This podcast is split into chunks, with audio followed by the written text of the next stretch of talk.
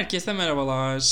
Burada Serbestiz Podcast evinin denemeye yelteneceğimiz yepyeni bir formatıyla karşınızdayız bugün. Daha evvel sepette konu olduğum e, kaderdaşım Enzel Yılmaz'la e, yazı turu adında bir seriye başlıyoruz. Madeni para yardımıyla bildiğiniz yazı turu usulü konumuz olan yapımı birimizin öveceği birimizin de gömeceği e, klasik bir işleyişimiz olacak. Ama tabii ki de öncesinde bir Enzel'le minik bir sohbet yapalım. Enzel'i Kotilyon'u sayılır bir sosyeteye tanıtalım istiyorum.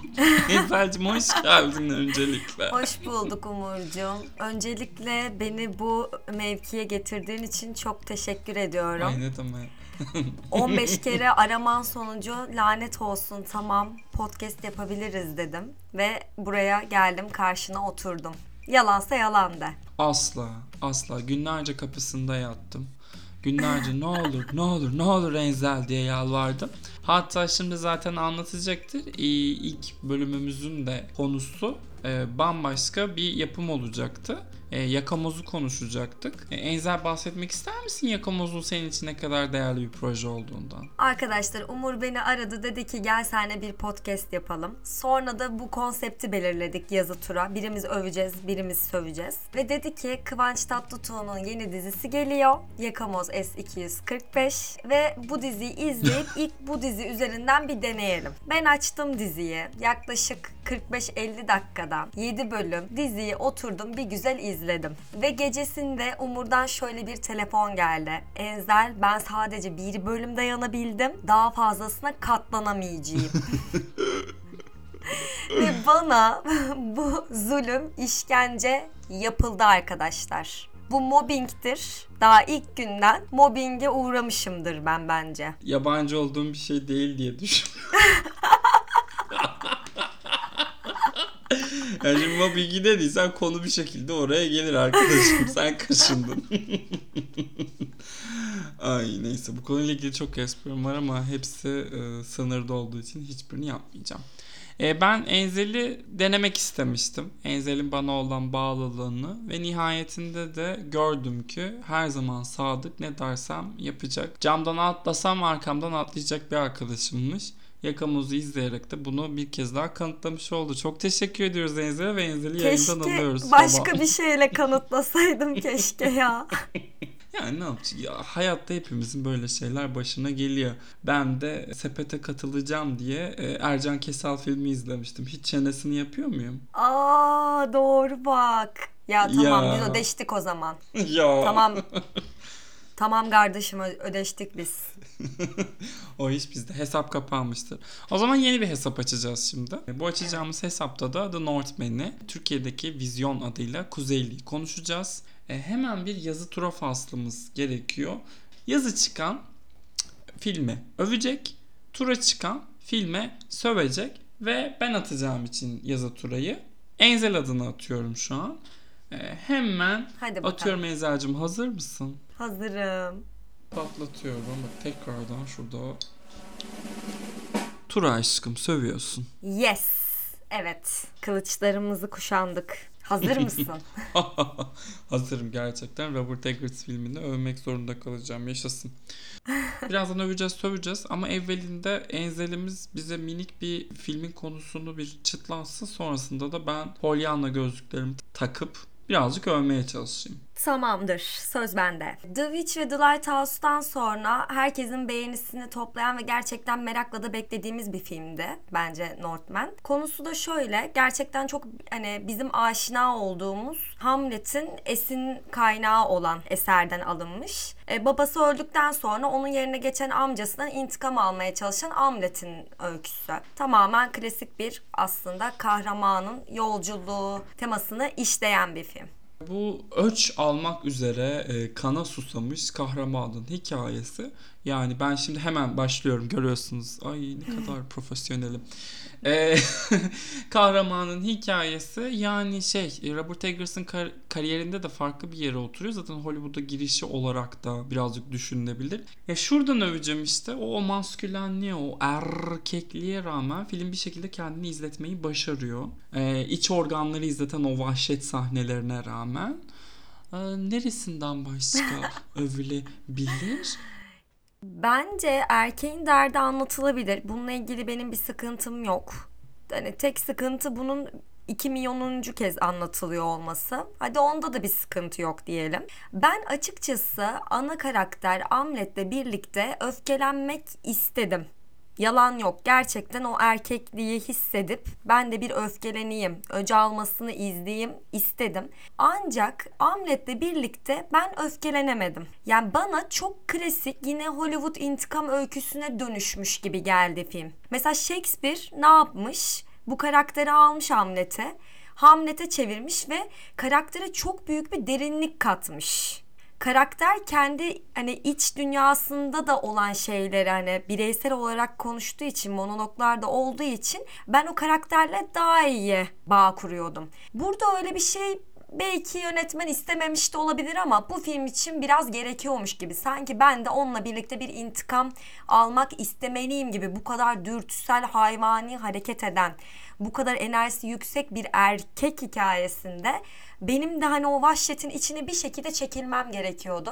Ben bu filmde onu tam olarak göremedim. Yani burada bayağı savunulacak bir şey de bulabildim aslında. Gerçekten karşı çıkıyormuşum. Ya şimdi bu e, film tamamen bir efsaneye dayandığı için halk efsanesi mi diyelim buna yoksa gerçek gerçeğe dayalı bir efsane mi ona da çok emin değilim ama ya çok ilkel hislerden besleniyor. Zaten e, karakterin sürekli tekrarladığı bir şey var. E, baba işte senin öcünü alacağım, anne seni kurtaracağım, e, amca seni de öldüreceğim. E, dolayısıyla o salt, katıksız halinin bilmiyorum yani Shakespeare nihayetinde bir edebi bir eser üretiyor orada.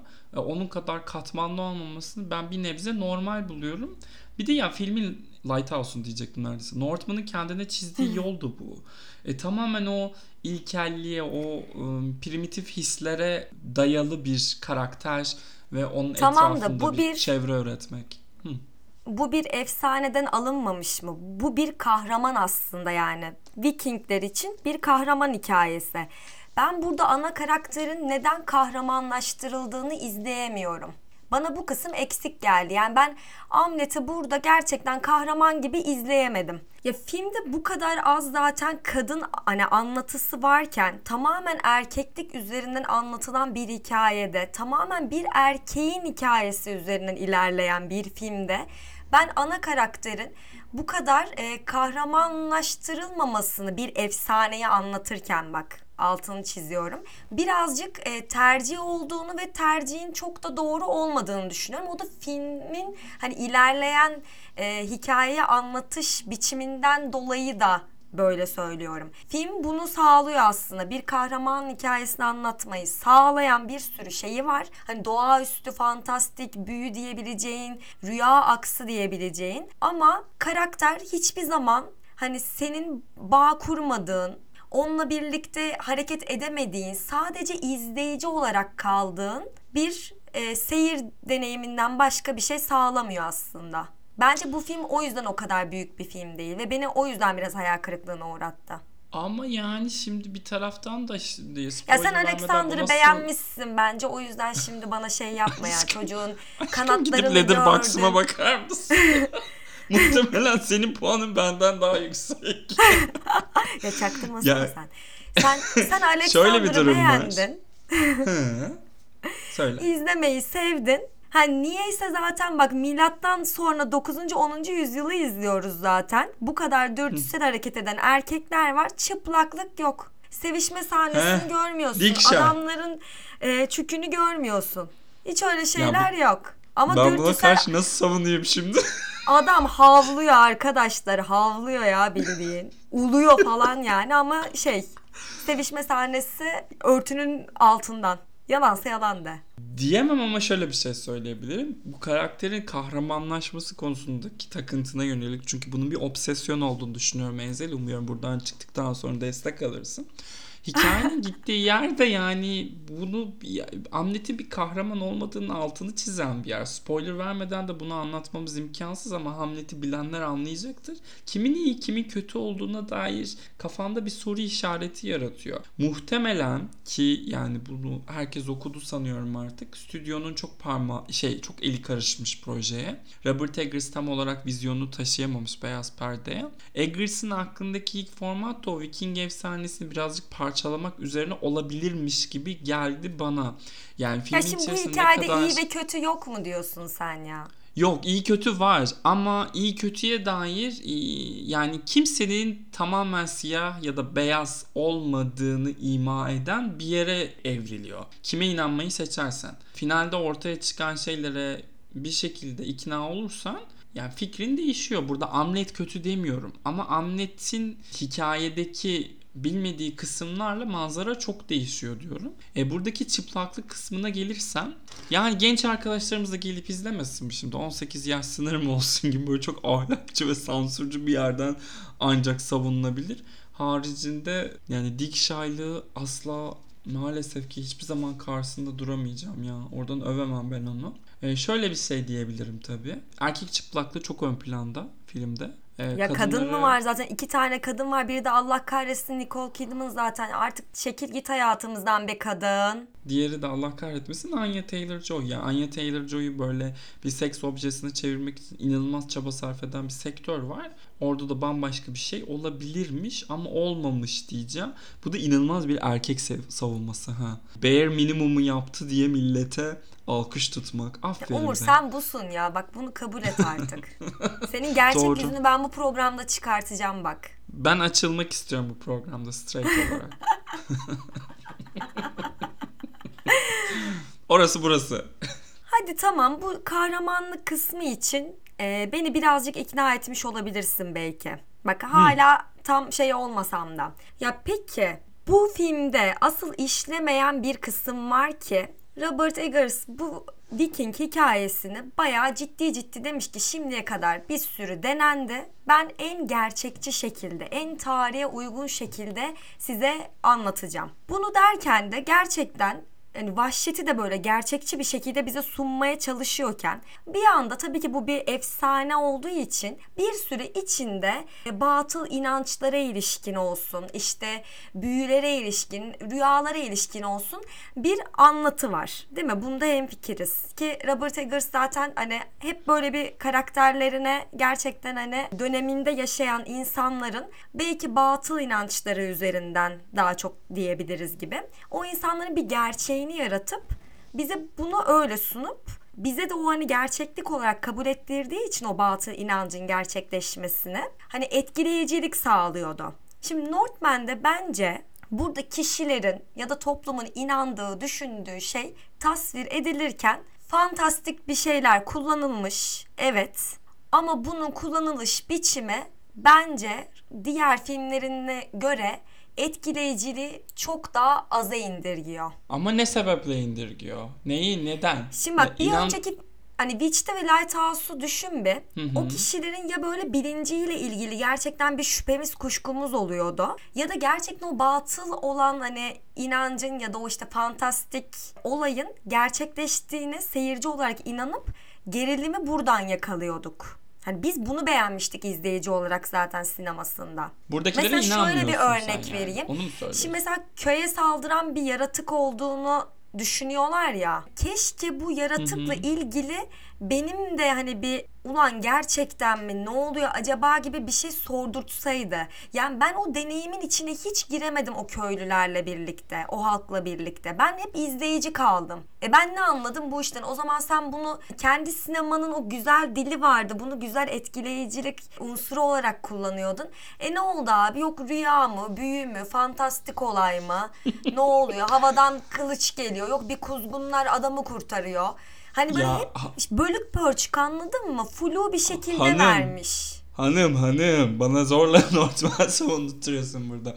Şimdi o folklorik korku öğelerini eski filmlerinde çok farklı bir biçimde kullanıyordu ve sen de hani bu filmdeki anlatı üzerinden düşünürsek köylülerin tarafındaydın ya da o işte yeni kral için hizmet edenlerin tarafında. Fakat şimdi perdenin arkasındasın. Kuklacıyla birliktesin ve kuklacının iplerini de görüyorsun. Yani ona inanamıyor olman, e, onların aynı etkileyiciye sahip olmaması belki de bu sefer belki de değil hatta belki de kısmını atayım.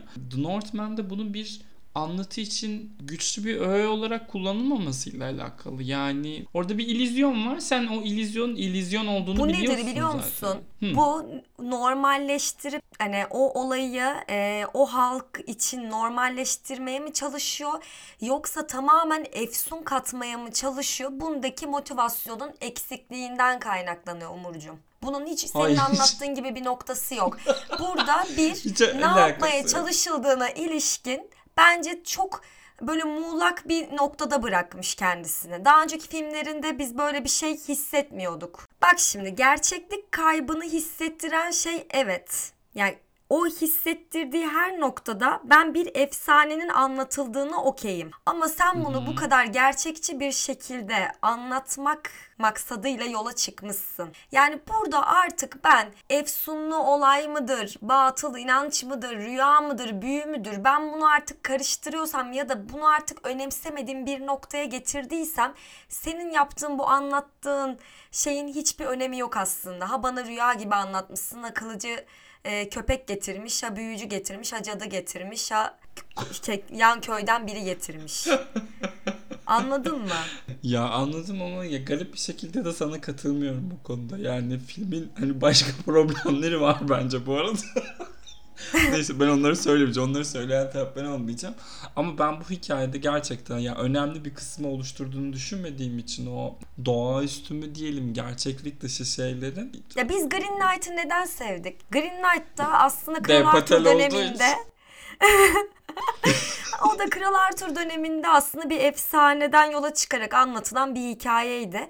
Ve gerçekten onu koruyordu, o ambiyansı koruyordu yani. Böyle bir gerçeklik kaygısı bile gütmeden sana gerçekten hani bir gerçekçilik yaratmıştı. Filmin içinde ilerleyen hani böyle homojen dağılmış bir durumda. Homo mu? Ee, ya şuradan bence şu da var şimdi Green Knight'ta e, yönetmenin ve senaryonun ana karakterine e, karşı aldığı bir tavır var. Orada çok daha eleştirel bir durum var. E, Northman'de Robert Eggers'ın derdi asla bu değil. Yani Ne ne, peki? varsa onu anlatmak üzerine kurulu.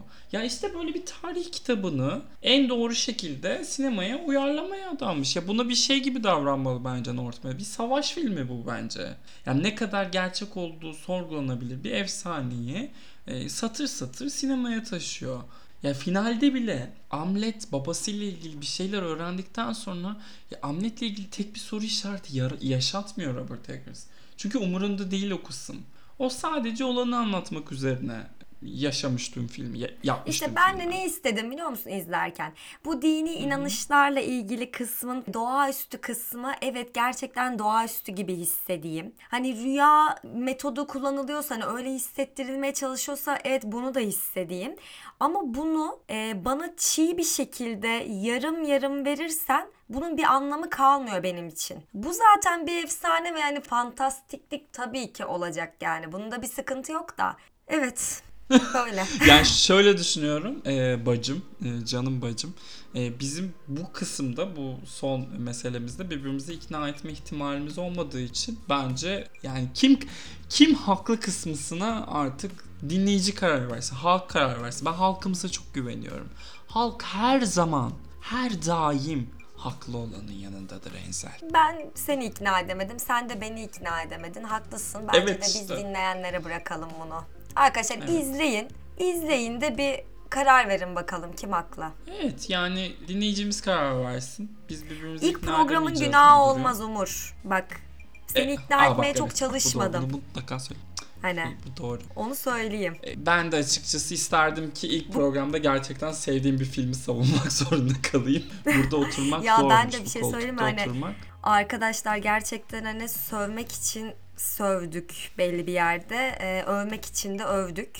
Bunu daha sonra ilerleyen programlarda daha iyi anlaşılacak diye düşünüyorum. Bence de biraz daha üzerine e, mesai yapıldıkça, çirkefleşildikçe, aramızda kavgalar çıktıkça bu programın da rengi değişir. Sen beni birkaç programa gör.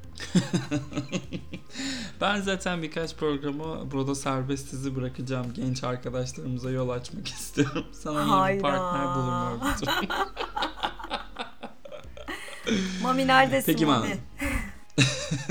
Peki yazı turalı biz sonuna geldik. Başka yazı turalar mutlaka çekeceğiz. Gündemden filmleri konuşmaya gayret edeceğiz özellikle. Bizi seviyorsanız, bizden hoşlanıyorsanız, bizimle tanışmak, görüşmek istiyorsanız yapabilecek hiçbir şeyiniz yok ama Spotify'dan kanala abone olabilirsiniz. E ne yapalım Eza bir şey yap. Bir, yani bu kadar da soğuk soğuk veda etme kısmı hadi. Hoşça kal Umur boş ver. Hadi be, Uğraştırma beni hadi. şimdi. Hadi kalk. Hadi kalk gidiyoruz. Hadi. Hadi kalk Hadi kalk bay kalk. bay. Hadi bay bay.